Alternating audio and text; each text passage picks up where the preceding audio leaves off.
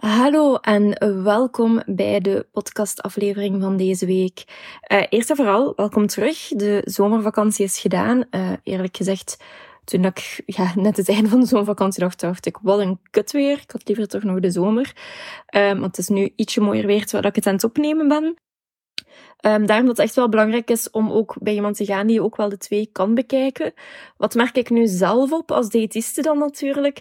Um, als er bij mij iemand komt die bijvoorbeeld zowel OCD heeft als een eetstoornis, dan ga ik mij als diëtist meer echt wel op die eetstoornis gaan toespitsen, om daar echt wel rond te gaan werken. Maar ik vraag ook wel soms...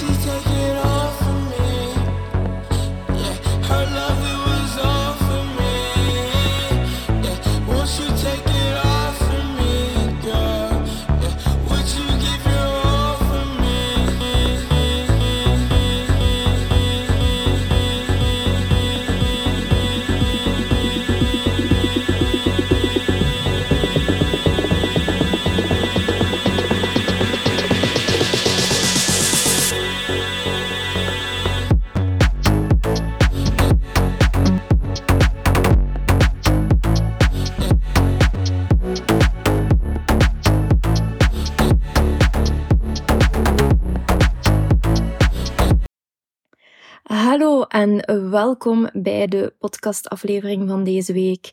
Uh, eerst en vooral, welkom terug. De zomervakantie is gedaan. Uh, eerlijk gezegd, toen ik ja, net het einde van de zomervakantie dacht, dacht ik, wat een kut weer. Ik had liever toch nog de zomer. Uh, want het is nu ietsje mooier weer terwijl ik het aan het opnemen ben. dus dat is al leuk. Um, en ik wil eigenlijk gewoon zeggen van, ja, welkom terug. Ik hoop dat jullie er ook klaar voor zijn om weer heel veel podcastafleveringen te beluisteren, want we gaan heel veel dingen meer terug willen bespreken. Um, ik zeg we, op dit moment uh, neem ik de aflevering alleen op zonder Olivia. Zij gaat sowieso ook nog terugkomen in de afleveringen. Maar het is gewoon ietsje te moeilijk om altijd onze agenda samen te leggen en alles samen op te nemen. Dus zijn we het wel aan het verdelen. En het kan zijn dat er soms vaker ook eens een gastspreker bij ons gaat zitten om het ook wat uh, anders aan te pakken. Sowieso mag je terug hetzelfde verwachten van de podcast als hiervoor. Wat bedoel ik daarmee? We gaan weer altijd in een weekthema werken. Uh, we gaan ook terug gaan met ja, eerst ons eigen uitleg. Dat is meer vanuit onze eigen ervaring en eigen praktijkervaring. En dat is zelfs zo dat ik aan het zeggen ben, maar dat is oké. Dus ik bedoel de eerder de ervaring uit boeken en van opleidingen en de ervaring vanuit onze praktijk. Um, en daarnaast gaan we dan weer de getuigen hebben die langskomen. Dus dat kunnen meestal één of twee getuigen zijn die we laten praten over hoe dat zij het ondervinden. Um, altijd ook binnen hetzelfde onderwerp. En dan zoeken wij ook een expert rond dat onderwerp om ook meer dingen te gaan toelichten. Omdat de dingen die wij gaan toelichten zijn ook misschien zaken die een expert gaat herhalen. Maar het is voor voornamelijk voor ons heel belangrijk dat de info zeker juist is. En omdat we zelf geen expert zijn in alle onderwerpen, want dat kan ook niet, uh, vinden we het ook wel beter om ons daarin te laten ondersteunen. Dus ja, het is begin van schooljaar. Het is een nieuw jaar, allee, een nieuw schooljaar dat start, niet een nieuw jaar dat start. Dus we gaan terug verder waar dat we eigenlijk geëindigd zijn, namelijk met enkele combinaties van eetstoornissen. En deze maand gaat eigenlijk volledig in het teken staan van uh, ja, eetstoornissen en OCD. OCD ken je misschien, of misschien ook niet, maar eigenlijk staat dat voor obsessieve compulsieve stoornis. De D is natuurlijk van het Engelse disorder, dus daarmee dat het OCS ook soms genoemd wordt, omdat we dan de stoornis hebben. Um, Misschien moet ik eerst eens uitleggen wat dat eigenlijk betekent, OCD. Omdat niet iedereen dat gaat kennen. Het is iets wat ik zelf ken en dat ik ook wel in documentaires en zo gezien heb.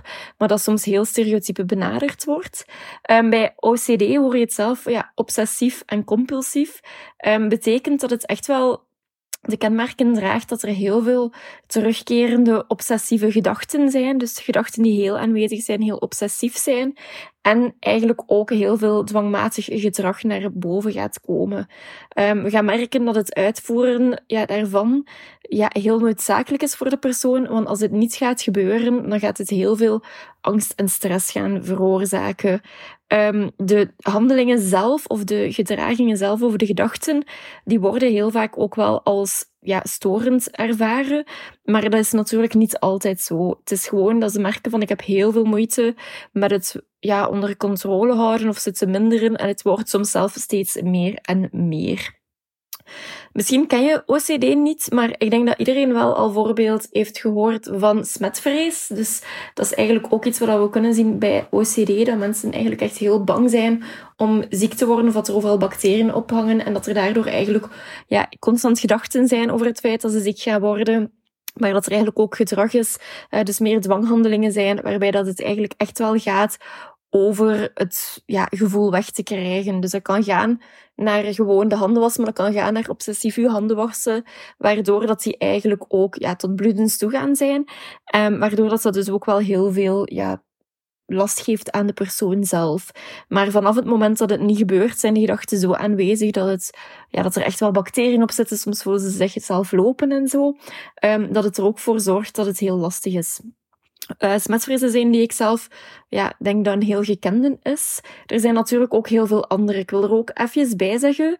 Um, het is echt wel om een angst weg te nemen. Dus er is een bepaalde angst, dat de gedachte die er ook achter zit, van iets wat er gaat gebeuren. En dan is er een bepaalde handeling, dat is het gedrag of de dwang die erachter zit, die eigenlijk gaat gebeuren om die angst niet te realiseren. Dus eigenlijk is het meer van, ik ben zodanig bang, dus ik ga mij beschermen dat het niet gaat gebeuren of een bepaalde rust geven.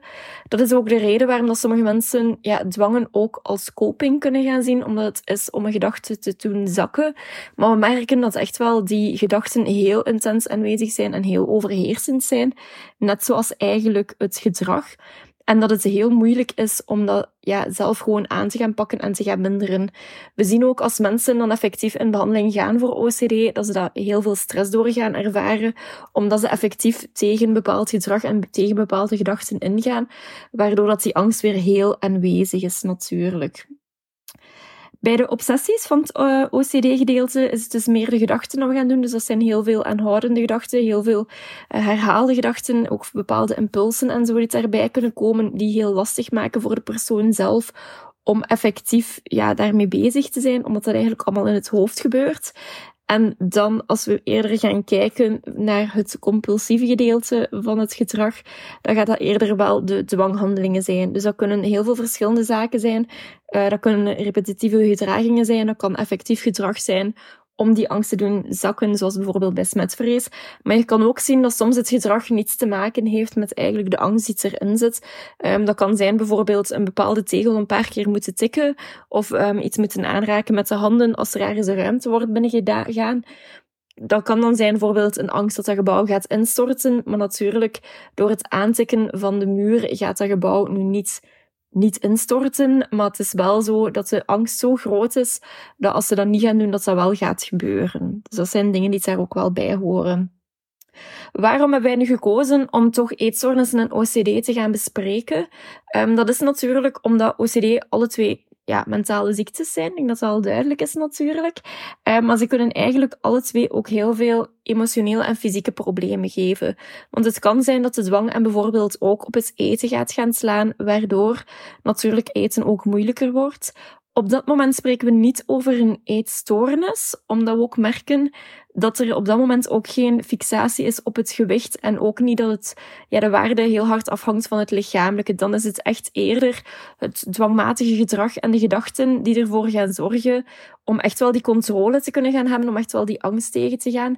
En gaat het dan niet zo heel zeer over het gewicht of hoe dat ze eruit gaan zien. Dus dat is wel een groot verschil met een eetstoornis. Um, wel kan het ook zijn dat de eetstoornis er is. En dan ga je merken dat er heel veel overlap ook kan zijn met OCD. Ze hebben sowieso ook veel, veel verschillende kenmerken, maar ik weet dat er ook wel heel veel overlappen zijn. Um, maar merken wij bijvoorbeeld dat mensen met een eetstoornis vaak ook heel obsessieve gedachten hebben, um, herhalende gedachten, negatieve gedachten die heel vaak terugkomen. Dat kan gaan over het tellen, dat kan gaan over wat wel te eten, wat niet te eten, bepaalde regels. We mogen ook niet vergeten dat een eetstoornis een angststoornis is. Dus het gaat er ook wel over dat er een hele grote angst is om gewicht bij te komen en dat er regels zijn om dat eigenlijk een stukje tegen te gaan. Naast effectief gewoon um, het typische in de eetstoornis, namelijk het bezig zijn met het eten, um, heb je ook bepaalde dwangen die echt wel bij een eetstoornis meer en meer aanwezig kunnen zijn. En dan ben ik bijvoorbeeld aan het denken aan bewegingsdrang of bepaalde patronen die erin zitten. Kan gaan van tijd, kan gaan naar andere dingen toe, die er eigenlijk voor zorgen dat het een heel lastig iets is. Um, hoe dat ik het eigenlijk zie, is van we merken gewoon een verschil in waar dat het meeste naartoe gaat. Is het echt wel het eten en het gewicht die het belangrijkste is, of is het eerder ook andere dwangen die er ook gaan bijkomen? Want vaak ga je merken bij mensen met OCD dat zij niet één dwang hebben, maar dat zij eigenlijk verschillende dwangen gaan hebben. We zien dan ook als het eten bijvoorbeeld wordt aangepakt, dat een stukje de verweving is met de eetstoornis, dat het soms kan zijn dat die dwangen zich gaan verschuiven en dat andere dwangen ook weer heel hard naar boven gaan komen. Of dat die eigenlijk zelf gaan verergeren, wat dat uiteraard de aanpak iets moeilijker gaat maken. Het is daarom wel echt belangrijk om te weten van, ja, kijk, als er een vermoeden is bijvoorbeeld van OCD, dat er ook wel echt getest wordt of gekeken wordt van, is dat ook zo? Dus normaal gezien bij een psychiater of een psycholoog dat ze echt wel verder kan onderzocht worden van, is er hier sprake van OCD of niet? Um, en dan kan er eigenlijk verder gekeken worden van, oké, hoe gaan we hier nu mee aan de slag gaan? Omdat het wel belangrijk is om aan alles tegelijkertijd te werken en dan niet te zeggen van, ja, we werken eerst aan dat en dan laten we het andere erger worden.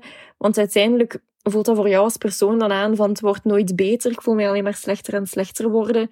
En dat is uiteindelijk niet wat we willen, hè, natuurlijk. Um, daarom dat het echt wel belangrijk is om ook bij iemand te gaan die ook wel de twee kan bekijken. Wat merk ik nu zelf op als diëtiste dan natuurlijk?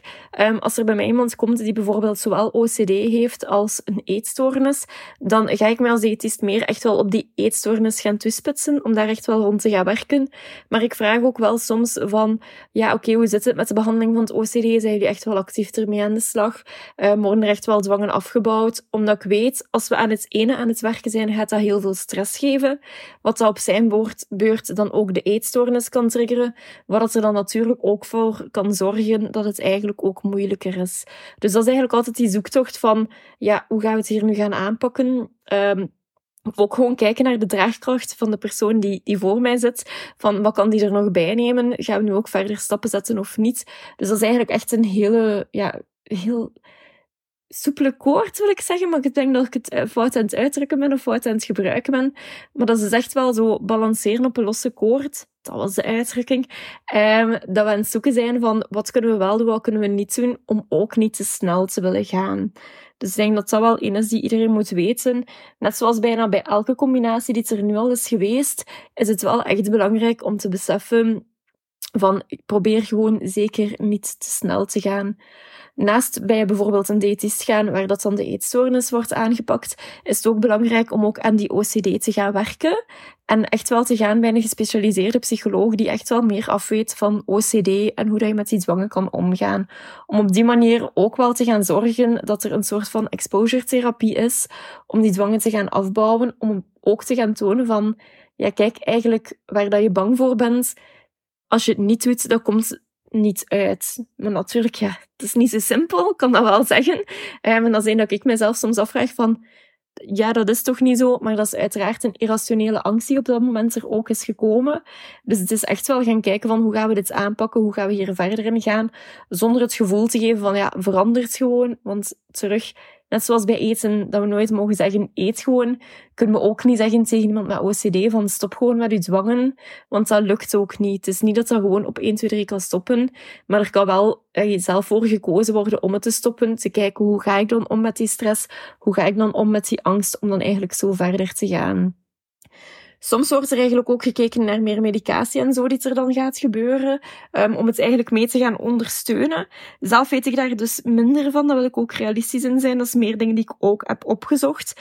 Maar ik weet dat er wel bepaalde medicatie is die eigenlijk ook op de dwangen gaat werken en die ook wel wat minder gaat maken, waardoor het ook soms iets, ja, makkelijker is om die exposure therapie aan te gaan vangen. Om echt wel ook die stress een stukje mee onder controle te nemen. Daarvoor uiteraard is het ook wel nodig om bij een psychiater te gaan die er ook weet van heeft hoe dat je het gaat moeten aanpakken en hoe dat je het mee gaat doen. Zowel bij een eetstoornis in het algemeen als ook bij de combinatie met OCD denk ik dat het ook wel heel belangrijk is om de omgeving erin te betrekken.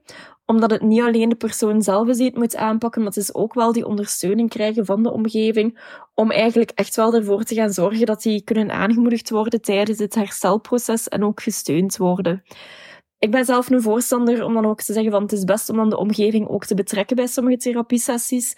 Om ook te zorgen dat die ook mee zijn van hoe gaan we het aanpakken, wat gaan we doen.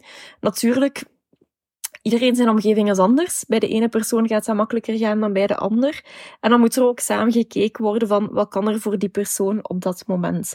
Dus dat is een beetje de zoektocht die we dan moeten doen.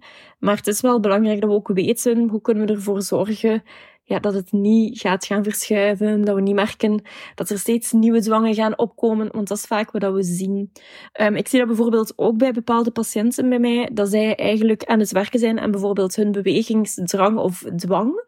Um, en dat ze eigenlijk het ene aan het aanpakken zijn, maar dat er op andere momenten andere vormen van beweging aan het inkomen zijn. Want dat is een beetje hoe ons hoofd werkt. Wij denken heel veel in patronen, heel veel in repetities. Um, en daarin gaat dan eigenlijk die dwang nog verder gaan natuurlijk. En dat is hetgeen dat we wel echt voor moeten opletten, dat het niet is dat als er een dwang wordt aangepakt, dat er een andere gaat komen.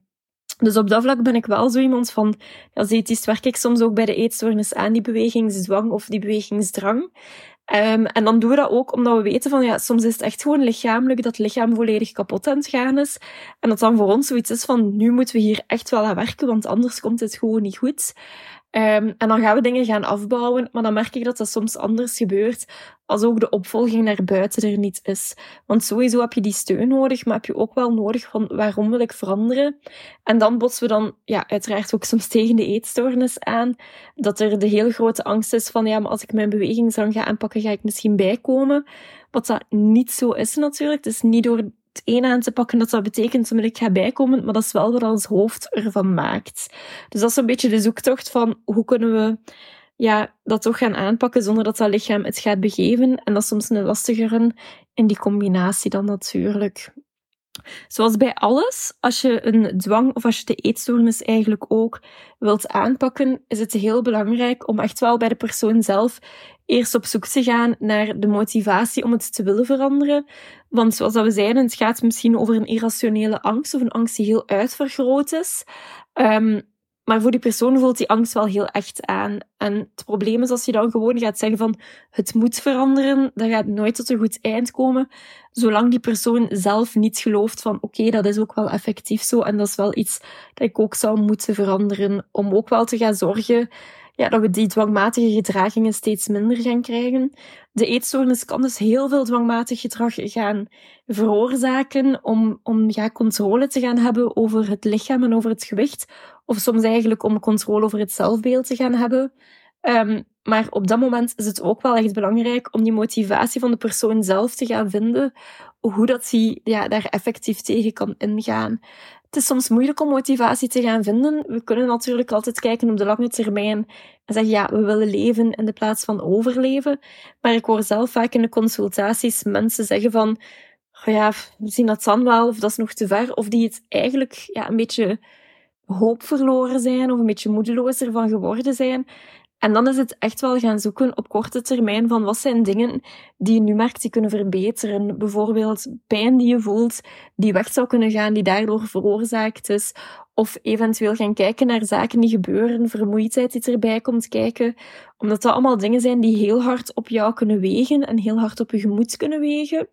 En dat is wel dan belangrijk om dat ook te gaan zien als van, daarom vecht ik er tegen om dit te kunnen verbeteren. Want sowieso, motivatie moet intrinsiek komen. Um, dus echt vanuit jezelf komen. En dat is de moeilijkste om te vinden. In het begin is het ook soms goed om die excentrieke motivatie te hebben. Um, dus eigenlijk dat we zeggen de motivatie van buitenaf. Want dat is ook wel een belangrijke dat we in ons achterhoofd houden. Die, die kan soms helpen om toch stappen te zetten. En als we dan soms verbetering merken, dat we verder willen gaan. Maar het is ook echt wel zoeken in u als persoon van waarom wil ik dit veranderen. En dat is een die we zowel zien bij eigenlijk de eetstoornis als bij OCD.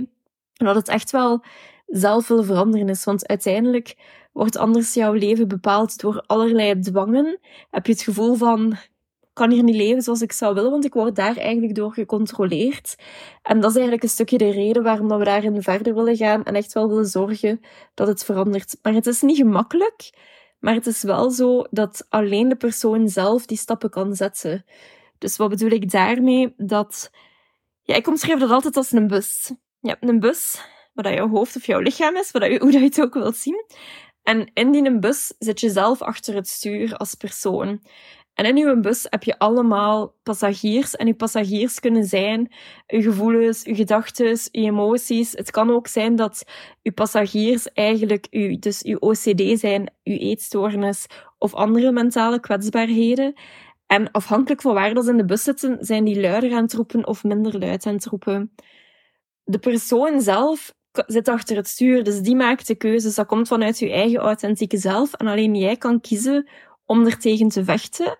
Dat betekent niet dat je nooit gaat laten leiden door OCD of door eetstoornis, maar het is meer als hulpverlener, als omgeving, kunnen wij eigenlijk nooit in die bus terechtkomen. Wij kunnen tools geven, wij kunnen tips geven, maar wij kunnen het eigenlijk niet doen. En dat is de reden waarom dat we zeker bij OCD, maar ook bij de eetstoornis, afhankelijk zijn van uh, effectief de motivatie van de persoon zelf om er tegenin te gaan, want wij geven helpende gedachten, wij kunnen positieve affirmaties geven, wij kunnen praten over wat al effectief de feiten zijn en hoe het anders zou moeten. Maar om echt die stap te zetten om het te veranderen, is het de persoon zelf die het ook moet doen. Dus dat is ook echt wel zoeken van hoe kunnen we ervoor gaan zorgen dat die persoon zelf het ook echt verandert. Um, als je kijkt bij ja, verschillende zaken. Als we gaan kijken naar die eetstoornis en naar ook OCD, dan ga je merken dat er daar heel vaak patronen in gaan zitten, dat er daar heel vaak dingen achter zitten. Het ding is, wanneer noemen we het nu eigenlijk een zwang en wanneer noemen we het eerder een patroon of een gewoonte? Want het kan zijn dat je dingen doet uit gewoontegedrag, omdat dat ja, iets aangeleerd is van uit de jeugd of iets wat je zelf hebt aangeleerd. Maar het kan ook zijn dat het echt voor jou voelt als eerder een zwang. Hoe dat ik het meestal uitleg, is eigenlijk van een zwang is echt wel heel intern dat er gaat komen. Een zeer sterke drang of impuls, waardoor dat je het gevoel hebt, ik moet dit doen. En er is echt een heel intense angst als je het niet gaat doen. Je voelt gewoon, maar alles van je lichaam, dit moet. Of anders gaat er iets gebeuren. Dus door het dwangmatig gedrag te doen, gaat er een tijdelijke verlichting zijn en gaan we ons even wel beter voelen. Dus dat is het eerste. Als het gaat over gewoonten, dan zijn dat dingen die we eigenlijk heel vaak gaan herhalen en is dat eerder een gedragspatroon. En gewoontes kunnen goed en slecht zijn natuurlijk, maar ga je ook merken dat het gewoonte bevestigd wordt door een bepaalde beloning die er is, um, en dat eigenlijk daardoor ook ja, een soort van positieve versterking gaat geven. Dus dan ga je niet die intense interne drang gaan voelen, waar je het gevoel hebt van ik kan hier, tegen, ik kan hier gelijk niet tegen vechten. Maar dan is het eerder een automatisme en gaat het soms zonder erover nadenken zijn dat we het gaan doen. Um, en je gaat merken dat dat eigenlijk ook een stukje gaat zijn als we naar een patroon gaan, omdat dat meer is een regelmatige herhaling van bepaald gedrag. En dat is vaak wat er gebeurt. We ontwikkelen een patroon om zo dan uiteindelijk een gewoonte te krijgen. En dat is eigenlijk hoe dat het dan verder gaat. Dus soms helpt dat wel om dat verschil te zien. Want ik vind soms dat mensen het heel snel een dwang noemen of een drang noemen. Maar ook het omgekeerde, soms noemen we het gewoon een gewoonte, terwijl we merken van ja, er zit wel echt meer achter. Dus daarom dat het ook wel belangrijk is om dat ook een stukje te gaan kijken.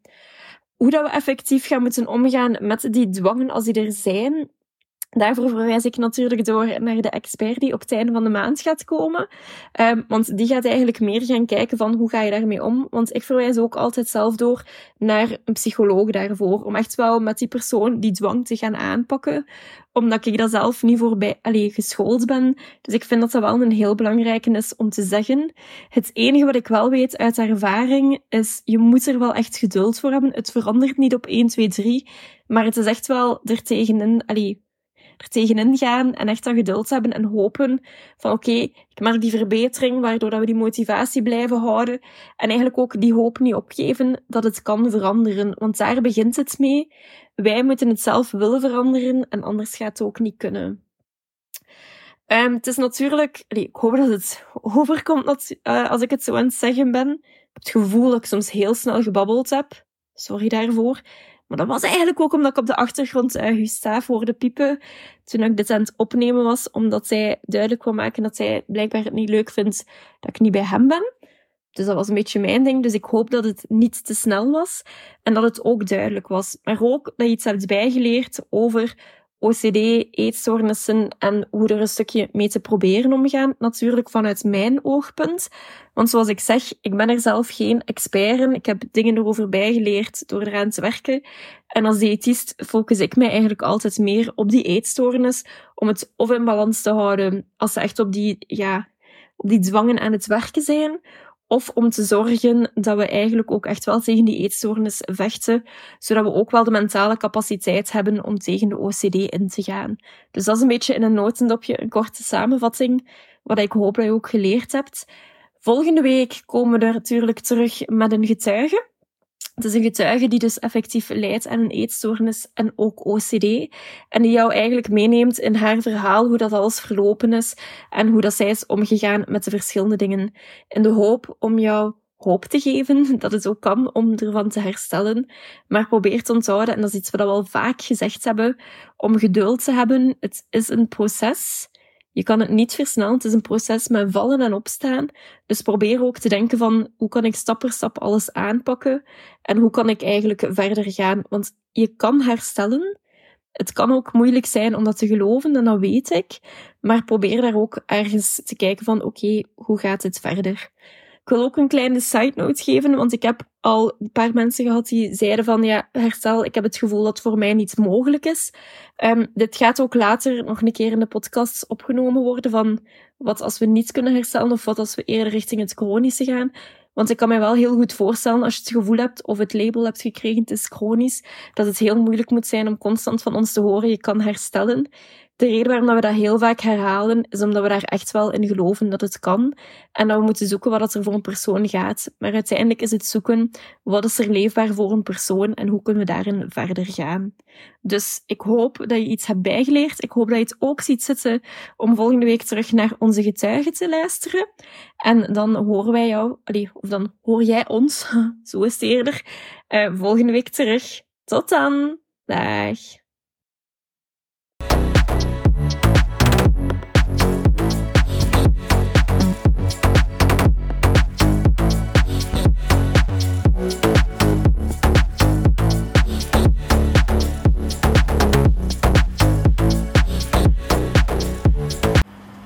We weten dat dit natuurlijk geen makkelijk onderwerp is om over te praten, of dat het misschien eventueel gedachten of gevoelens naar boven heeft gebracht. En daarom willen we je echt eraan herinneren dat je ook ergens terecht kan. De mensen van AWEL staan eigenlijk altijd klaar om je verder te helpen. Het kan zijn een belletje of via de chat, maar je kan ook natuurlijk altijd bij ons terecht um, op de vrijdagavond als je vragen hebt of ergens mee zit. Dus je bent zeker niet alleen en vergeet dat ook niet.